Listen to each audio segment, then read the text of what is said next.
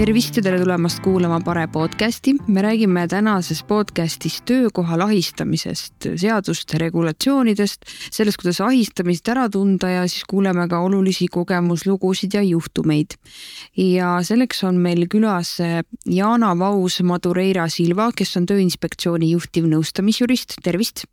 tervist. Anneli Lepik, Tööinspektsiooni nõustamisjurist, tere. tere Meris Velling, advokaadibüroo Liverte partner ja vandeadvokaat, tere! tere kõigile kuulajatele! mina olen Pare tegevjuht Kai Saard.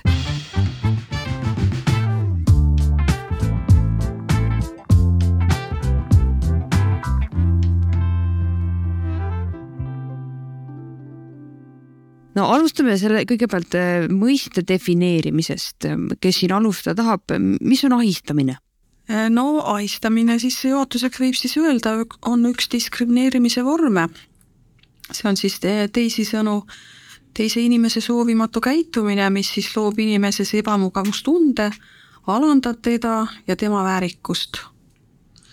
ja soovimatus tähendabki seda, et noh, inimesele ei meeldi see, kuidas teine sinuga käitub ja sa võib-olla ei tahagi, et ta sinuga niimoodi käitub. see loob ebamugavustunde ma võib-olla täpsustaksin juurde just nii-öelda seaduste baasil, et kes definitsiooni tahab näha, et see võib vaadata võib-olla siis äh, soolise võrdõigusliku seadusesse ja võrdse kohtlemise seadusesse, et seal on ära defineeritud äh, siis ahistamine ja eraldi ka seksuaalne ahistamine ja sooline ahistamine. ja nagu välja toodi, et üks oluline aspekt on kindlasti see mitte, mitte soovimatus siis äh, nii-öelda isiku poolt, keda ahistatakse. Aga samal ajal võib-olla on oluline välja tuua ka seda, et see ahistamine võib olla siis noh, esiteks kindlasti füüsiline, kuid ta võib olla ka mittefüüsiline, ta võib olla sõnaline, ta võib olla mittesõnaline. Ja oluline on ka seal nii-öelda see aspekt, et kas ta nii-öelda toob kaasa sellise inimväärikust alandamise või siis nii-öelda selle eesmärk juba selline ongi ja ka seadus on nii-öelda ära loetlenud, et mida siis võiks sellise inimväärikust alandava, mm, alandamiseni mõista, et siis võib-olla selline nagu eh, solvatud õhkkonna loomine äh,, sihuke ähvardava õhkkonna loomine, mm, otsene alandamine, hirmu tekitamine siis nii-öelda töökeskkonnas või selles isikus. Ja võib-olla, keda huvitab üldse selline akadeemiline lähenemine, siis ma viitaksin ühele äh, Äh, doktoritööle, mis on Kadri Lamesoo poolt kahe tuhande seitsmeteistkümnendal aastal kaitstud. Äh, see on seksuaalse ahistamise sotsiaalne konstrueerimine Nõukogude aja järgse ühiskonna kontekstis siis Eesti meditsiiniõdede näitel, et seda doktoritööd on tegelikult väga huvitav lugeda, kuna ta põhineb siis peamiselt nende meditsiiniõdede süvaintervjuudel et kindlasti soovitan ja samuti on ka Tartu Ülikoolis kaitstud siin viimastel aastatel päris sisukaid magistritöid sellel teemal, et see on kõigile kättesaadav. aga võib-olla ühe lause ma ütleks veel, et et Eesti tegelikult pakub huvitavat uurimisainest, et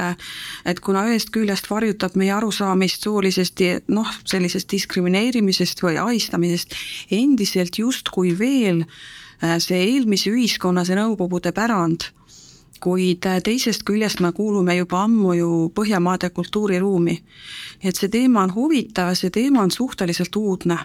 et kui Ameerikas äh, võib-olla hakati seda seksuaalset ahistamist uurima, siis möödunud sajandi seitsmekümnendatel, kaheksakümnendatel aastatel, siis Eestis aga tunduvalt hiljem, ehk siis võib-olla on õige öelda, et alles kahe tuhandendate aastate alguses mina omalt poolt lisaks juurde ka, et, et jah, nii-öelda diskrimineerimise vormina see on selline juba konkreetsem lähenemine, aga sellel on ka selline laiem vaade, mis on üldiselt tegelikult äh, töövägivald ja sealhulgas, kui me vaatame ka töötervishoiu ja tööohutuse seadust, siis läheb see psühhosotsiaalsete ohutegurite alla. seega näiteks äh, psühhosotsiaalsed ohutegurid jäävad ka tööinspek-, äh, tööinspektsiooni järelevalve pädevusse ja natuke sai ka räägitud, et milles äh, seisneb seksuaalne ahistamine, et äh, siia tooks juurde võib-olla äh,, seletaks rohkem lahti, mis on sooline ahistamine, et võib-olla see on selline mõiste millega paljud ei ole kokku puutunud, et sisuliselt on ka see nii-öelda teise inimese väärikuse alandamine seoses siis kas tulenevalt tema soost, äh, perekondlikest hoolduskohustustest, näiteks äh, võib-olla seotud laste kasvatamise või mõne pereliikme hooldamisega samamoodi, et ähvardav, vaenulik, halvustav, alandav õhkkond käib sinna juurde. ja tooks kohe ka ühe näite, et äh, võib-olla paremini jällegi mõista, et näiteks on käinud äh, töövaidluskomisjonis selline kaasus, äh, kus ministrit nimetati, et ta on peast rase, et justkui ja see vaidlus siis läks jah niimoodi, et ähm, et isik, kes koosolekul viibis, äh, tema siis astus nii-öelda äh, kaitseks välja ja pärast siis võttis ka sellise helisalvestise, et kuna see, kes, isik, kes niimoodi ütles, et minister on peast rase, muidugi ta ütles seal veel muid asju, õigustas ka, äh, et ta võttis selle helisalvesti, helisalvesti ja esitas teisele ministrile. aga lõpuks öeldi temaga tööleping üles leiti, et ta on siis ava, avalikustanud tööandja ärisaladust, kuigi see oli tegelikult selles mõttes ainult osa, neli minutit kogu salvestusest ja tööandja ei suutnud ka tõendada, et, äh, et see töötaja oli selle meediale avalikustanud. Ehk siis äh, selles mõttes jah, leiti, et see on ikkagi töötajaga töölepingu ülesütlemine on siin diskrimineerimine antud juhul ja mõisteti välja ka hüvitis. et huvitav oli see, et näiteks töölepingu ülesütlemise aluses oli väga palju punkte välja toodud, mida ette heideti, et kohustuste rikkumine, usalduse kaotus, kahju tekitamine, saladuse hoidmise kohustuse rikkumine, aga siis ikkagi kõik äh, oli, oli tühine nagu me siin teie jutust juba aru saime, siis ahistamine hõlmab väga paljusid aspekte, aga kuidas ära tunda nüüd, et tegu on ahistamisega ja mul on ka kohe jätkuküsimus, kuidas sellega mitte nii-öelda liiale minna, mul tuleb kohe endal see hashtag me too liikumine siin nagu kuidagi mõttesse. Siinkohal tooks välja ühe ringkonnakohtu kaasuse, kus on nagu hästi ilusti selgitatud punkt punktilt, et ongi neli konkreetset kriteeriumi näiteks seksuaalse ahistamise puhul, et see käitumine peab olema sõnaline, mittesõnaline või füüsiline äh, käitumine või tegevus peab olema seksuaalse olemusega, kindlasti ka adressaadile soovimatu ja siis see väärikuse alandamise aspekt. et see peab esinema ja äh, kui me räägime sellest konkreetset äh, Me Too liikumisest, siis selles mõttes, et tuleb äh, silmas pidada, et äh, ahistamisjuhtudest on vajalik rääkida. niimoodi me tõstame kogu ühiskonna teadlikkust, aga seejuures tuleb kindlasti tagada see, et kellelegi ei tehta liiga ehk siis alusetud süüdistused või ka ohvrite puhul, et jagamisel on erinevaid viise, kuidas seda teha saab, kas saab rääkida justkui äh, lihtsalt kogemusest, et juhtusi nii-öelda nimesid nimetamata või kui ikkagi liigutakse sinna, et juba konkreetselt mingisuguseid süüdistusi esitada, peaks olema äh, kannatanul ikkagi tõendid. et kas mingid dokumentaalsed tõendid e, e-kirjad, võib ka täiesti olla leping, et, äh, et meil on olemas selline kaasus, äh, kus päris äh, lepingusse nii-öelda kirjutati äh, Äh, vahekord, äh, siis äh, saunas käimine, alkoholi tarvitamine, et, et täiesti mustvalgelt selline, selline leping. võib-olla selle äratundmise koha pealt kõige olulisem aspekt on see lihtsustatud öeldes võib-olla tahtevastasus või soovimatus. ehk siis see, kuidas see inimene, kelle suunas siis mingisugune äh, väljend öeldakse, keda mingil viisil koheldakse, kellele mingisugune märkus tehakse või kelle suunal mingi nali on, et, et kuidas tema nagu seda olukorda tajub, ehk siis kui tema tajub, et see on temale ebamugav, see on teda alandav, teda solvav ja talle see on soovimatu, ta ei taha olla selles olukorras, siis juba, siis sealt algabki nii-öelda see ahistamise äratundmine. et eh, üks väga oluline aspekt ongi see, et tegelikult nii-öelda, kas see olukord on vastastikune või see on kellegi poolt ühepoolne ja teine pool selles, selles olukorras ennast mugavalt ja hästi ei tunne, need võivad olla väga erineva nii-öelda raskustasemega, seal võib olla, ma toon näite ma toon näite kasvõi enda praktikast, eks ole, et ma olin kümme aastat tagasi äh, noor advokaat, äh, naisterahvas pikkade blondide juustega. Äh, pidin nõustama mm, ühte ettevõtet, kus klientidena tulid kohale kolm härrasmeest. ja kui ma sinna nõupidamiste ruumi läksin, siis esimese asjana need härrased küsisid minu käest, et tervist, me võtaksime palun tassi kohvi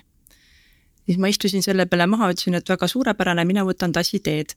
no minu jaoks tegelikult see olukord hõlmas kõiki ahistamise aspekte ja minu meelest siin oli nii seksuaalne kui ka sooline ahistamine sees. ja just sellel põhjusel, et need, need inimesed ehk siis minu kliendid ei, tegelikult ei mõelnud äh,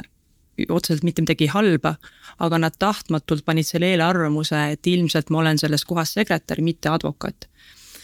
et äh,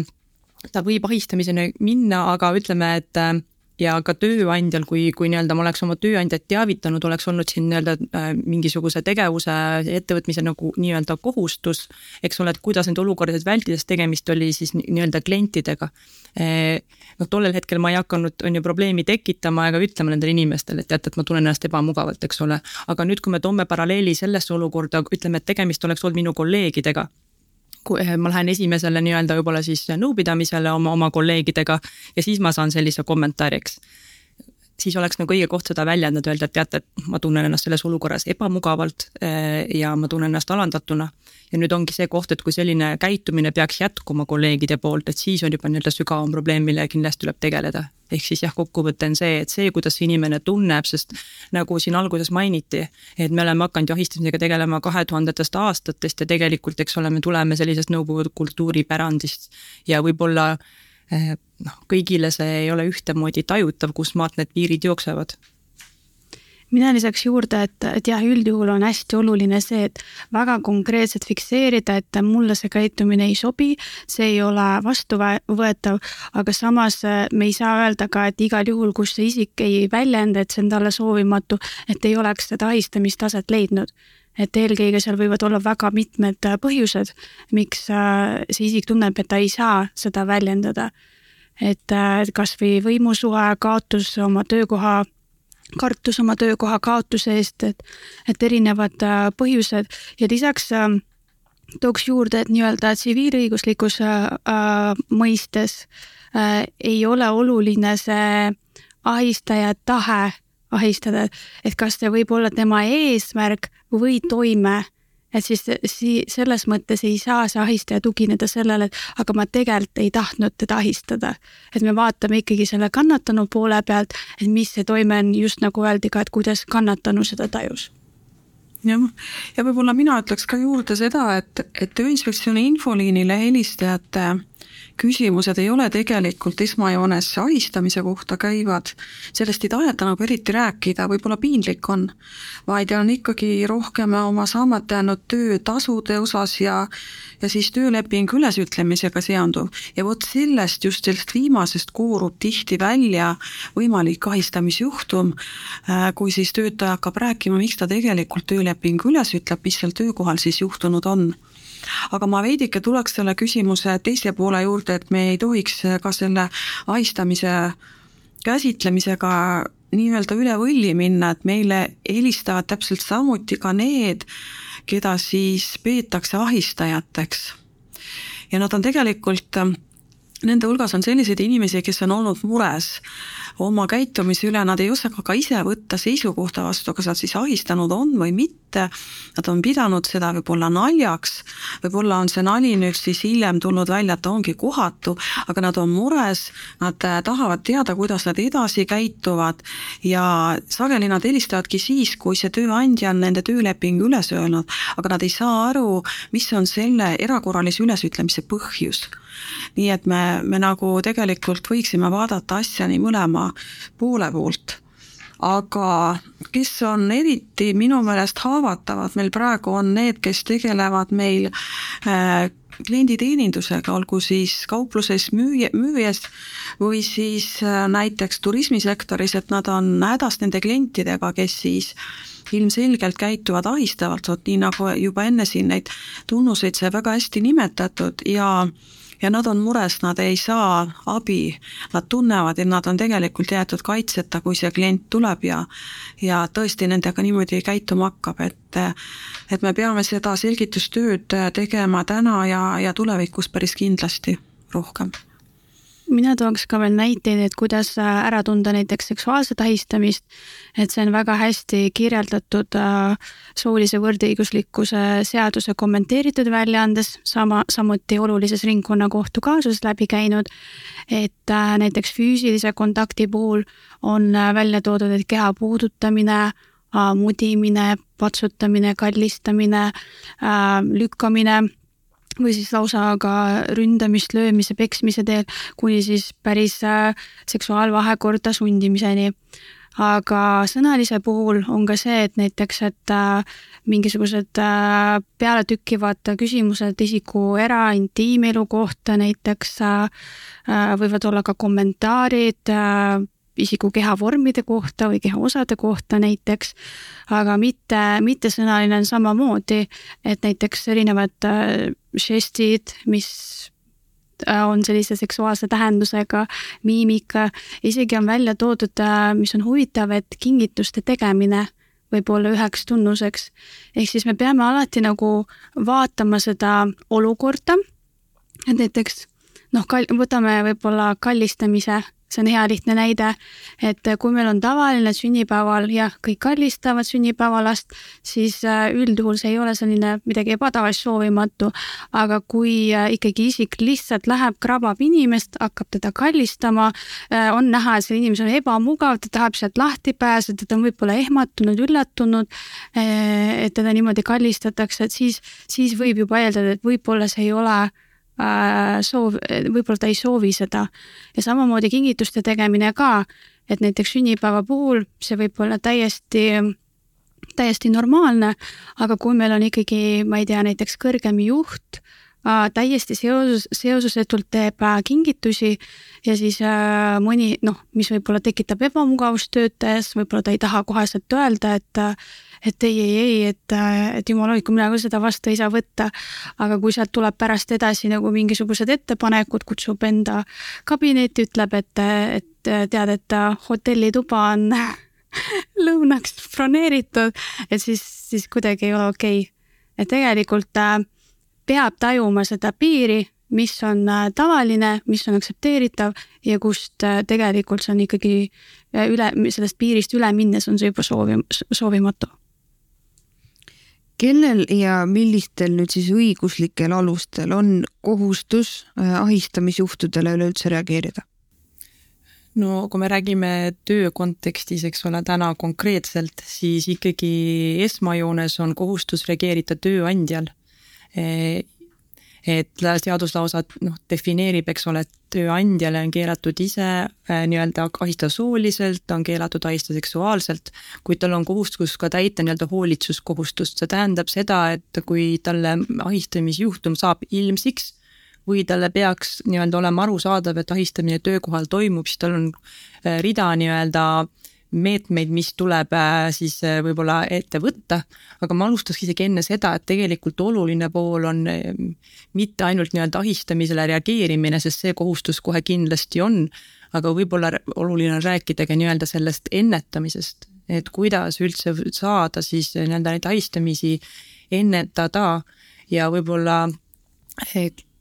ma ise nagu, mida ma praktikas olen näinud ja, ja mida ma olen oma, oma nii-öelda klientidega rääkinud, mida ettevõtetes võiks teha ja mida paraku väga vähe on, et et, et kindlasti peaks olema nii-öelda korrad ja juhised eh, selle kohta, kuidas ahistamise puhul toimitakse. Eh, seal kindlasti peaks olema nii-öelda siis see isik, kelle poole peaks pöörduma, kas ta on usaldusisik, kas ta on äh, organisatsiooni sees töökeskkonna volinik, kas ta on keegi väljaspoolt, kas ta on otsene juht, kas ta on keegi personaliosakonnast, nagu alustaks paika panna, et kelle poole pöördutakse. siis võib-olla paika panna see, et mis vormis tuleks äh, pöörduda. et kas see peab olema kirjalik või, või piisab suulisest pöördumisest, see vorm võiks olla kindlasti hästi lihtne et, et julgetakse pöörduda, aga samas seda tuleb kindlasti fikseerida. ja siis nii-öelda see iseenesest nii-öelda see kolmas aspekt võiks olla see, et, et on ette nähtud sellised lihtsad punktid, et kuidas selle siis nii-öelda kaebusega toimitakse, et kui kaua seda lahendatakse. no kindlasti oluline on see, et kui siin välja toodi, et tuleb vaadata mõlemalt poolt juhtumit, tuleb uurida mõlemalt poolt, et mõlemalt võetakse küsimusi, mõlemaga tehakse intervjuusid. et aga selleks, et sellise korrani jõuda, et et tegelikult võib-olla alustaks sellest, et, et kõikidel nii-öelda siis personalitöötajatel mm, võiks nagu tekkida selline mõte, et kõigepealt uurida nagu, et mis mu asutuses või ettevõttes toimub. teha küsitlusi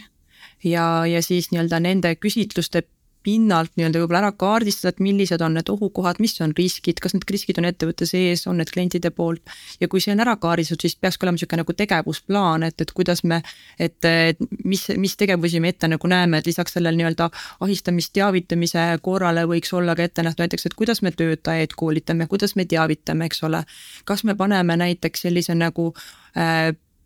riskifaktorid ja see, mis on ahistamine juba kuskil ametite juhenditesse kirja ja nii-öelda, et see oleks väga selge, arusaadav, et kui töötajatel kõigil on kohustus, on ju, vältida ahistamist ja selle puhul reageerida. võib-olla rääkida ettevõtte väärtustest, rääkida sellest, et ettevõtte väärtus hõlmab see, et meil on nagu kõiki austav ja võrdsusi austav nii-öelda töökeskkond ja ahistamine suhtes on nulltolerants. et võib-olla need oleks sellised nagu ennetavad tegevused, mis on nagu hästi olulised ma olen ka hästi nõus selle ennetamise põhimõttega, kuna see on ka töö, tervishoiu tööohutuse seadusesse sisse kirjutatud. et kui me seda ennetustööd teeme hästi, siis kindlasti oleks suur hulk ahistamisjuhtumeid ilmselt olemata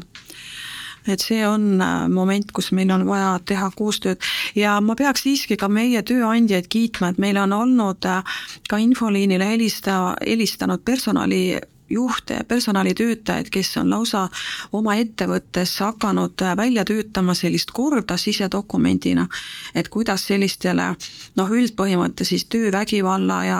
ja igasugustele ahid, ahistamisjuhtudele reageerida, milline on käitumiskord. Ja see kerkib esile tavaliselt siis, kui tehakse ka ettevõttes neid koolitusplaane, sest nad püüavad tagada oma töötajatele tegelikult ikkagi sellist regulaarset suhtlemisalast koolitust, konfliktijuhtimise koolitust, koolitust ja muud siis, mis peaks aitama selliseid juhtumeid, kui mitte vältida, siis oluliselt vähendada. no kui meil nüüd ikkagi on üks äh, juhtum käes, meil on üks ohver, keda on ahistatud äh, ja ta teavitab sellest nüüd siis oma tööandjat moel või teisel, on see mingi vormiga, on see otserääkimine, mida iganes, siis mis edasi saab, milline see edasine tegevuskäik on, ehk siis mis, mis tööandjal nüüd edasi teha tuleb? Tegelikult tööandjal äh, tulebki algatada uurimine, selgitada välja, mis on need asjaolud, paluda tõendit, äh, tõendeid mõlemalt osapoolelt, äkki äh, süüdistataval on justkui mingisugused tõendid, mis saavad seda ümber lükata. seejuures tegelikult ka vaadata, et selle uurimise käigus, et need andmed ei, ei lekiks kõrvalistele isikutele, vaid üksnes need, kes on siis asjaga seotud ja just täpset infot küsida, et äh, mis juhtus, mis kuupäeval, mis kellaajal, äh, kes olid pealtnägijad, nende nimed, et äh, hästi konkreetselt see välja selgitada. ja kui nüüd tõesti tööandja on oma uurimiskohustuse täitnud ja ta on leidnud, et see juhtus vastavalt nendele tõenditele, mis on, tema hindab, et ahistamine on aset leidnud, siis ta ei saa jääda tegevusetuks. et ta peab rakendama mingisuguseid meetmeid ja meetmed võivad olla erinevad olenevalt siis ka selle juhtumi raskusastmest, et näiteks võib äh, isikut, kes siis oli ahistaja rollis äh,, võib teda saata teise tööruumi äh,, võib ka nii-öelda näiteks teise osakonda vähendada nende kokku, kokkupuutepunkti, samamoodi saab äh, hoiatada ning äh, raskematel juhtudel ka tööleping üles öelda äh,. et kindlasti tööandja peab kasutama neid äh, meetmeid, et see, et kui ta on nüüd uurimise, uurimuse algatanud, see on ainult üks samm kuidas ta saab nii-öelda, liigub selle nimel, et tagada see ohus, ohutu ahistamisvaba töökeskkond. aga kui on ikkagi kindel, et leidis aset, siis ta peab mingisugused meetmed, meetmeid rakendama siinkohal. ja võib-olla räägiks ka ära, et siis mida nii-öelda töötaja saab teha, et, et kuhu, kuhu ta saaks ise pöörduda et äh, kõigepealt ongi siis tööandja poole, äh, saab kaasata ka erinevaid töö, näiteks töötajate esindajad, töökeskkonna volinikud, personalitöötajaid, keda töötaja usaldab, samamoodi saab pöörduda Tööinspektsiooni poole, aga siin peab selles mõttes arvestama, et äh, et nii-öelda Tööinspektsioon äh, järelevalve mõttes ei saa tulla kohale, seda olukorda lahendama hakata, välja selgitama, töö, Tööinspektsioon saab ikkagi vaadata, kas tööandja on oma kohustused ohutu töökeskkonna tagamisel täitnud. Äh, teine võimalus, mis on, on pöörduda näiteks töövaidluskomisjoni, et äh, sinna võib pöörduda ka lepitusmenetluse raames, mis siis eeldab mõlema poole vabat tahet, on selles mõttes hea võimalus äh, kiiresti jõuda lahenduseni, sest menetlus kestab üksnes kümme äh, tööpäeva. lisaks siis, äh, kui on ikkagi ole noh, seksuaalne ahistamine näiteks aset leidnud, saab pöörduda Sotsiaalkindlustusameti poole, et sealt saada tuge. volinikuga võib konsulteerida, saab voliniku arvamust, et kas on ahistamine aset leidnud ning tegelikult äh, tuleks ka hinnata, et millal peaks pöörduma politsei poole. et kui juba, kas on väärtegu, kuritegu, äh, vastavalt sellele, et alati võib, kui ei ole, isik ei ole kindel, võib helistada politseile, küsida, kas see on see olukord, kus ma peaksin politseisse avalduse tegema. ja siin tegelikult tööandja omalt poolt peaks ka töötajale õigusi selgitama, et mis võimalused tal on. võib-olla siin täpsustaks seda tõendamise osa, et kui välja tuua ka, et kelle poole võib pöörduda, et äh, kui nii-öelda politsei poole pöördumine on, siis on juba nii-öelda tegemist väärteo või kuriteoga, seal see tõendamiskoormis on juba teistpidi ja seal juba riik aitab ka tõendeid koguda. aga kui me räägime nüüd sellistest, ma ei taha öelda kergemast ahistamisjuhtumist, sest ükski ahistamisjuhtum tegelikult ei ole ohvrile kerge, aga sellistest, kus võib-olla tõesti see on jäänud sõnalise või mingite märkuste või, või mingite kergemate kehalise ahistamisjuhtumite puhul ja seda lahendab siis tööandja ise või, või võetakse arvamust soolise äh, võrdõigusliku volinikult või, või siis äh, nii-öelda pöördutakse õiguskantsleri poole, et jah, muide õiguskantsleri poole saab ka pöörduda, ta saab viia läbi lepitusmenetlust. Ehm, siis äh, on ette nähtud äh, seaduse järgi selline kontseptsioon nagu jag-, jagatud tõendamiskoormis ja see tähendab seda, et see ohver või kannatanu, eh, tema peab välja tooma ainult nii-öelda faktilised asjaolud selle juhtumi kohta. Eh, ja siis see, keda siis, kellele seda haistamisjuhtumit ette heidetakse, tegelikult tema peab tooma siis nii-öelda esile need tõendid, mis nii-öelda ümber lükkavad siis need väited. Ja, ja selline jagatud tõendamiskoormis on, on seetõttu ette nähtud äh, seaduse tasandil, et eks need ahistamisjuhtumid ju leiavad aset väga tihti privaatselt ja seal väga tihti ei olegi tunnistajad ja seal väga tihti tõendeid ka väga raske on kannatanul siis esitada ja, ja sii-, see tekitab, see kontseptsioon tekitab kindlasti väga palju mm, küsimusi just selle koha pealt, mida siis see nii-öelda väidetav ahistaja enda kaitseks ette võtta saab, sest ega tal ka pole ju võimalik nii-öelda tõendeid esitada ja meil tegelikult on ju kohtumenetluses see, printsiip, et sihukest negatiivset asjaolu tõendama ei pea, sa ei saa tõendada midagi, mida ei ole juhtunud, eks ole, kui seda näiteks juhtunud ei ole ja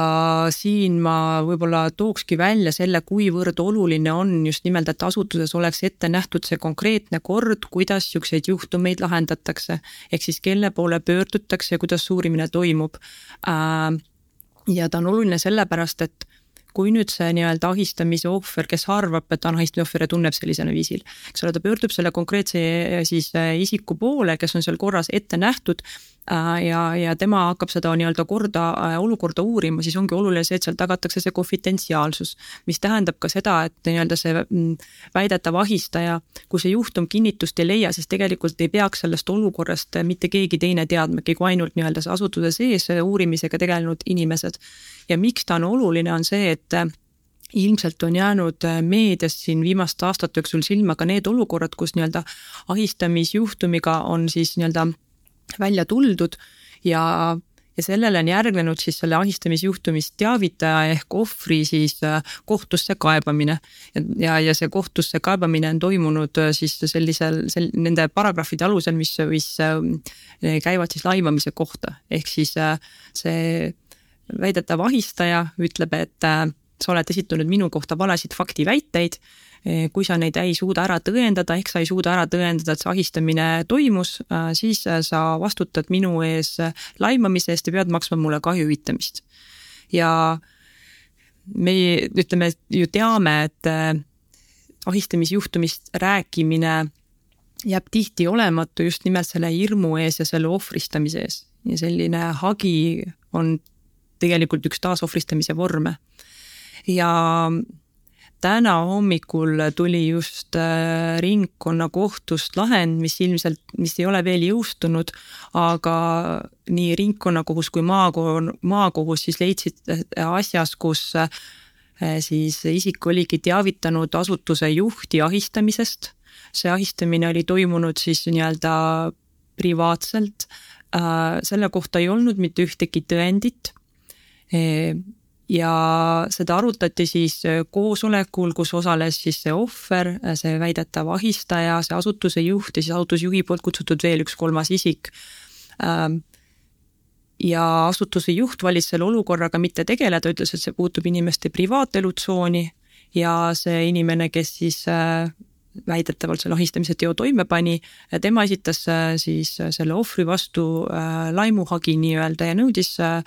nende väidete ümberlükkamist, ehk siis nõudis, et lükatakse ümber see väide, et ta on seda inimest ahistanud seksuaalselt ja nõudis endale kahju hüvitamist.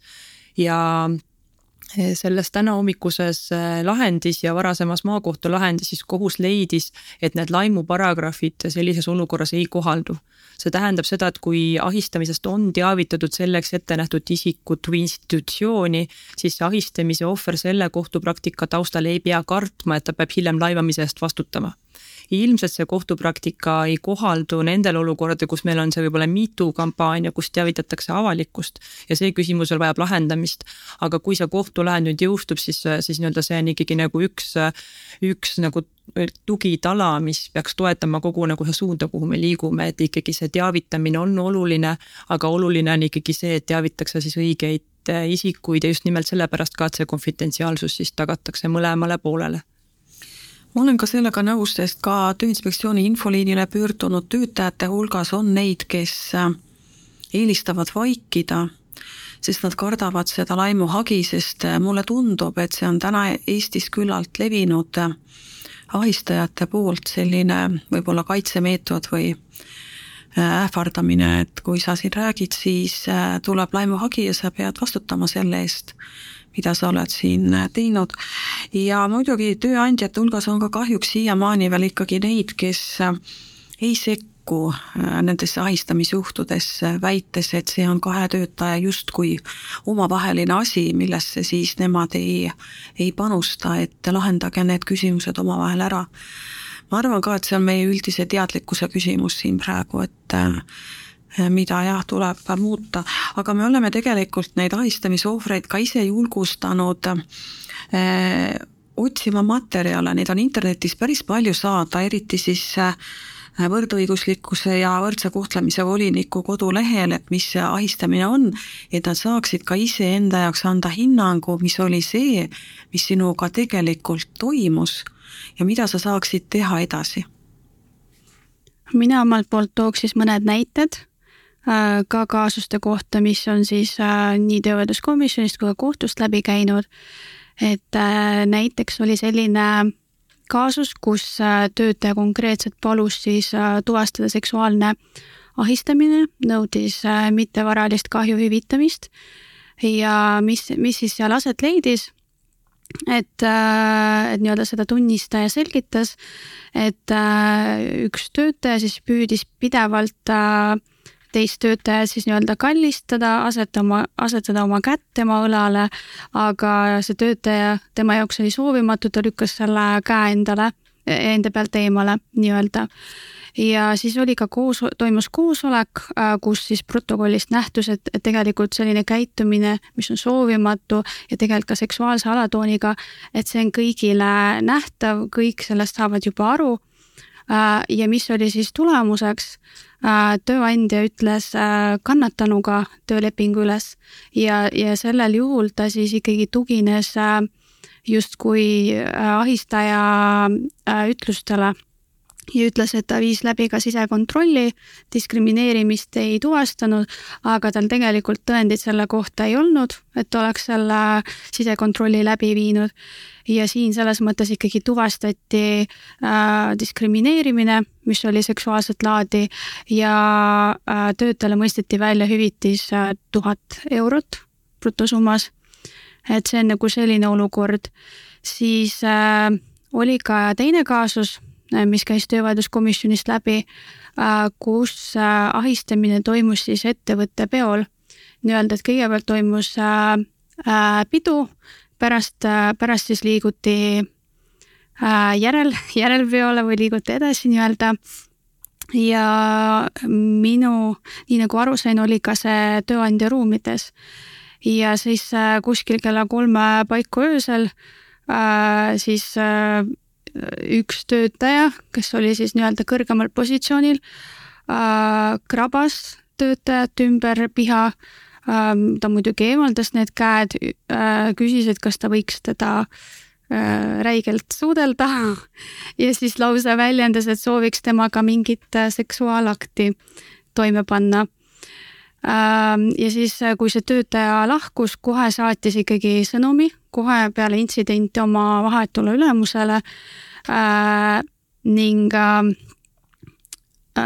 siinkohal oli ka see, et töötaja tege-, tööandja tegelikult ta jäi veidi tegevusetuks, selles mõttes, et ei kasutanud neid meetmeid, mida ta oleks saanud teha, hoiatada või siis ka nii-öelda öelda tööleping üles põhjusel, et äh, töötaja on siis nii-öelda ebaväärikalt kohelnud oma, oma kolleegi.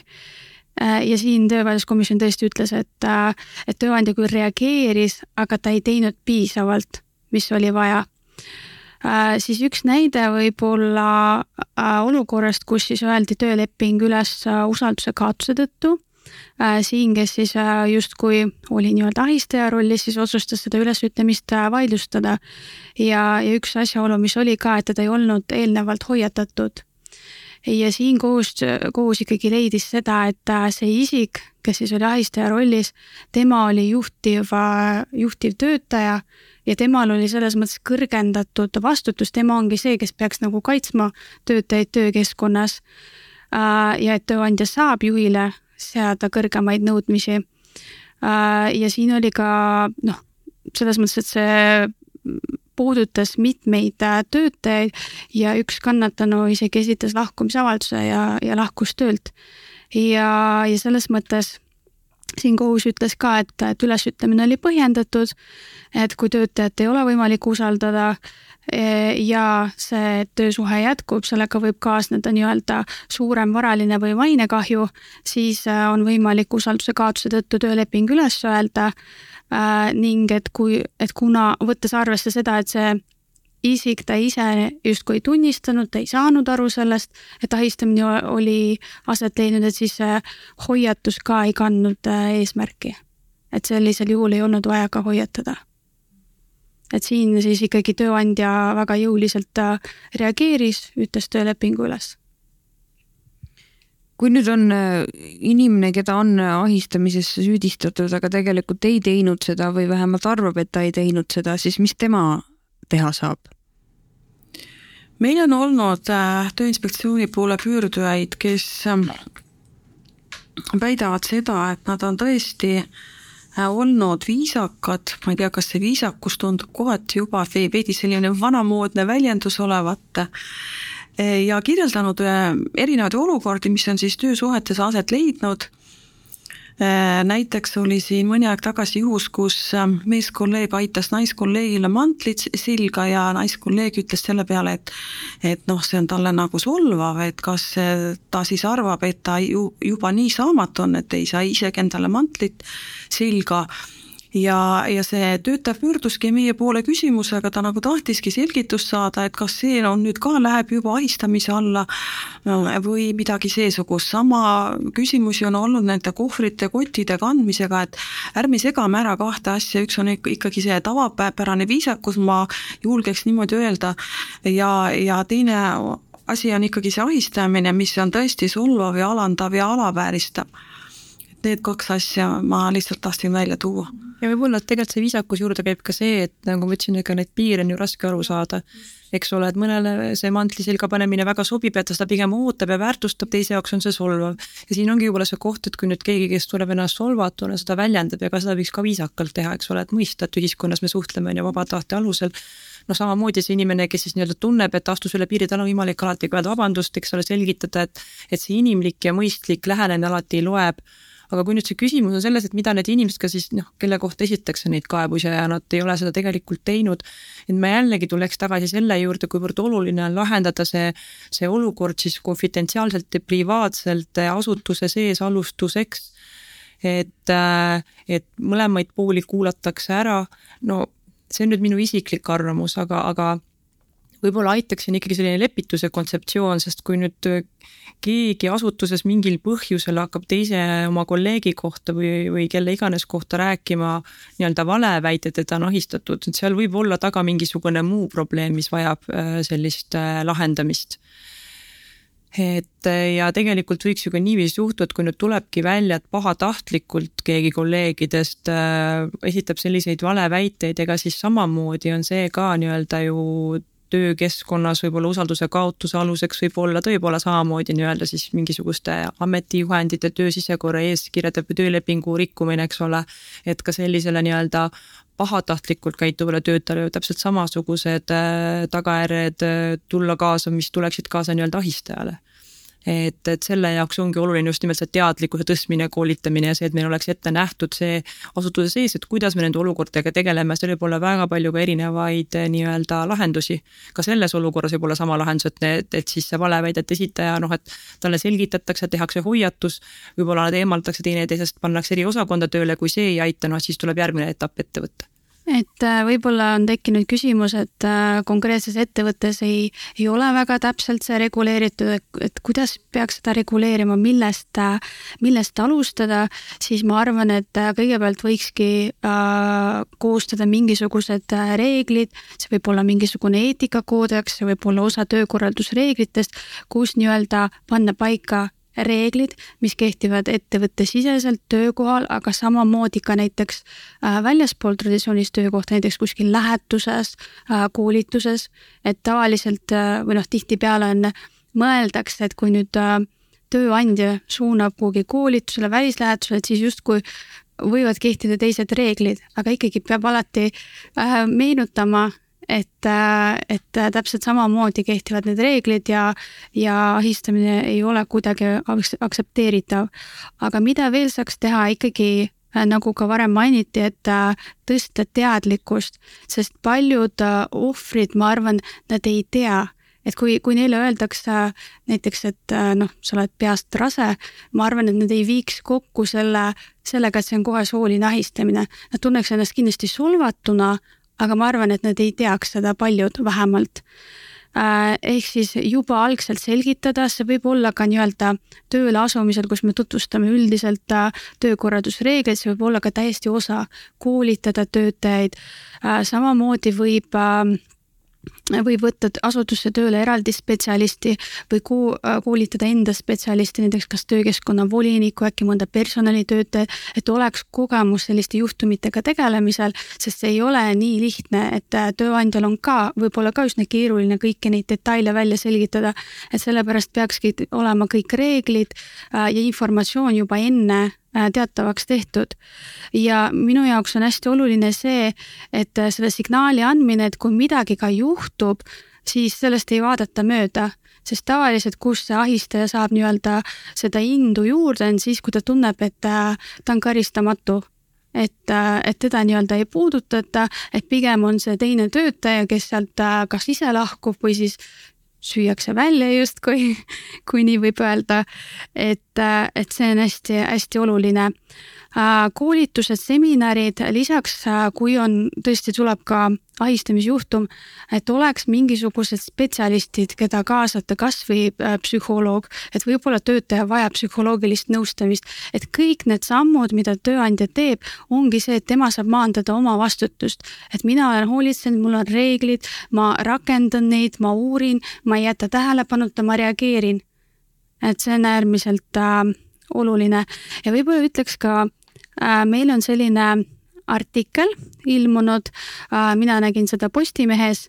et mis puudutab siis ülikoolide soolise ja seksuaalse ahistamise uuringut, kas soovitused on jõudnud praktikasse. Ja seal ülikoolid väga täpselt kirjeldavad, et mida nad on siis nii-öelda praktikas äh, rakendama hakanud, et kõik, kes alustavad selle äh, nii-öelda diskrimineerimise, ahistamise reguleerimist ettevõttesiseselt, et ma soovitan väga seda, selle artikliga tutvuda. Mm. -hmm ma teeks võib-olla siit ka omalt poolt äh,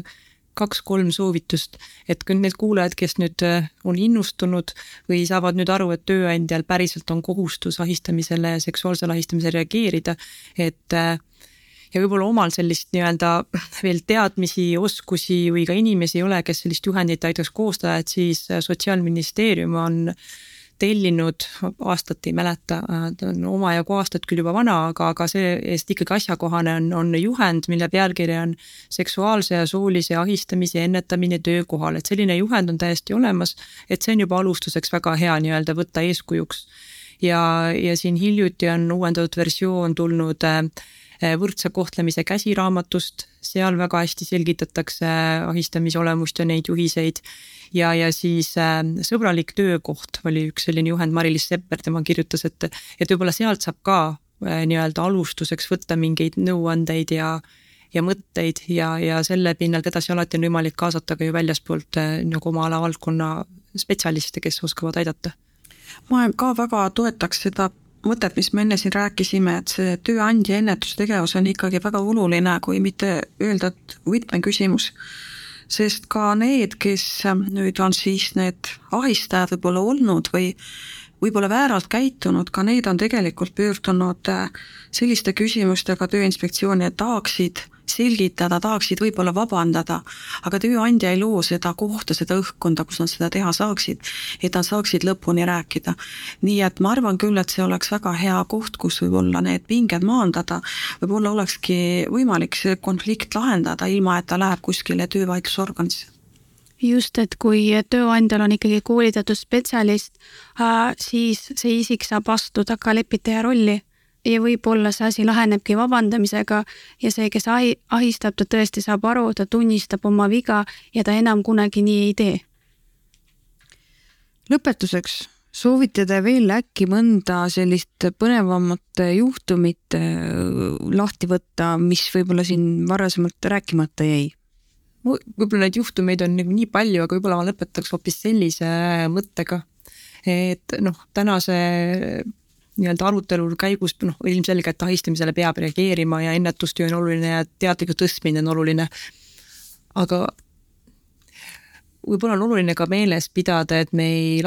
lasku stereotüüpi, et, et ahistamise ohvrid kindlasti ei ole naised või noored naisterahvad, et ahistamise ohvrid võivad olla ükskõik mis vanuses inimesed, ükskõik mis soost inimesed, ükskõik millise taustaga, ükskõik missuguses asutuses, et seal tegelikult ei ole vahet. et oluline on see, et iga ahistamisjuhtumid, mil, mil, mida, millest on teavitatud, võetakse võrdselt tõsisena ja ei oleks sellist eelarvamust üldse selli-, sellise ahistamise eh, temaatika käsitluses, et sellise mõtte võtaks, et see võtabki kokku, et tegelikult need juhtumid on väga mitmekesised ja väga-väga erinevad ma olen ka nõus, et need juhtumid on väga paljutahulised ja, ja nende lahendamine ei ole kerge. et võib-olla saame kõik kaasa aidata, kui me oleme töösuhetes üksteisega rohkem arvestatavad ja sõbralikud. ja lõppude lõpuks äh, kõik saab alguse meie kodudest, et kasvatame enda lapsi ka nii, et nad oskaksid enda kaaslastega arvestada ja, ja mõistaksid, et äh, see oleks oluline samm. Mina siiski käsitleksin võib-olla natuke veel tõendeid, et rõhutaks, et see on äärmiselt oluline selleks, et saaks nii-öelda oma õigustele äh, tugineda, et äh, praktikas siis äh, rohkem ikkagi kasutatakse tunnistaja ütlust või siis dokumentaalseid tõendeid näiteks äh, kirjavahetused, aga ka helisalvestis. ja tavaliselt helisalvestis on see, mis tekitab hästi palju küsimusi, et tavaliselt see on ikkagi ilma teise poole, osapoole nõusolekuta, et kas siis äh, võib salvestada ja siin on ka üks Riigikohtu kaasus et äh, see küll puudutas töökiusamist, aga ma usun, et need põhimõtted võiksid täiesti vabalt ka ahistamise puhul olla rakendatavad. et nii-öelda teenistaja, teenistuja siis äh, salvestas äh, arenguvestlust, et tõendada juhtkonnale töökiusamist äh,. ja siin selles mõttes kohus ütles konkreetselt, et äh, üldjuhul nii-öelda tööalaste vestluste salvestamine ei, ei ole aktsepteeritav, et see on taunitav, aga tõsistel motiividel see võib aset leida. Ehk siis, kui äh, me esitame seda, et oma õiguste kaitseks nendele isikutele, kellel on siis selle töökiusamise või näiteks ahistamise puhul määrav, äh, tuvastamisel määrav roll ja selles kaasuses siis kohus leidis, et et teenistuja õigustatud huvi ja vajadus tõendada töökiusamist oli kaalukam kui arenguvestluses osalejate õigus eraelu puutumatusele. ehk siis tõendid, tõendid, tõendid ja, ja tööandjate puhul äh, rõhutaks ikkagi üle, et äh, tõstame teadlikkust, äh, kehtestame käitumisreeglid ja näitame omalt poolt siis eeskuju. et me ikkagi jõuliselt reageerime ja lõpetuseks enda poolt ütleks ka seda, et kui on küsimusi nii tööandjate kui ka töötajate poolt, et siis võib pöörduda Tööinspektsiooni nõustamisjuristide poole telefonil kuus neli null kuus tuhat ja, ja saame täpsemalt selgitada ja vastavalt siis teie konkreetsele olukorrale. Suur aitäh teile tänase sisuka arutelu eest, meil olid külas advokaadibüroo Liverte partner ja vandeadvokaat Meris Velling ja Tööinspektsiooni nõustamisjuristid Jaana Vaus, Madureira Silva ja Anneli Lepik. mina olen Pare tegevjuht Kai Saart, te kuulasite Pare podcasti, kuuleme järgmine kord, aitäh!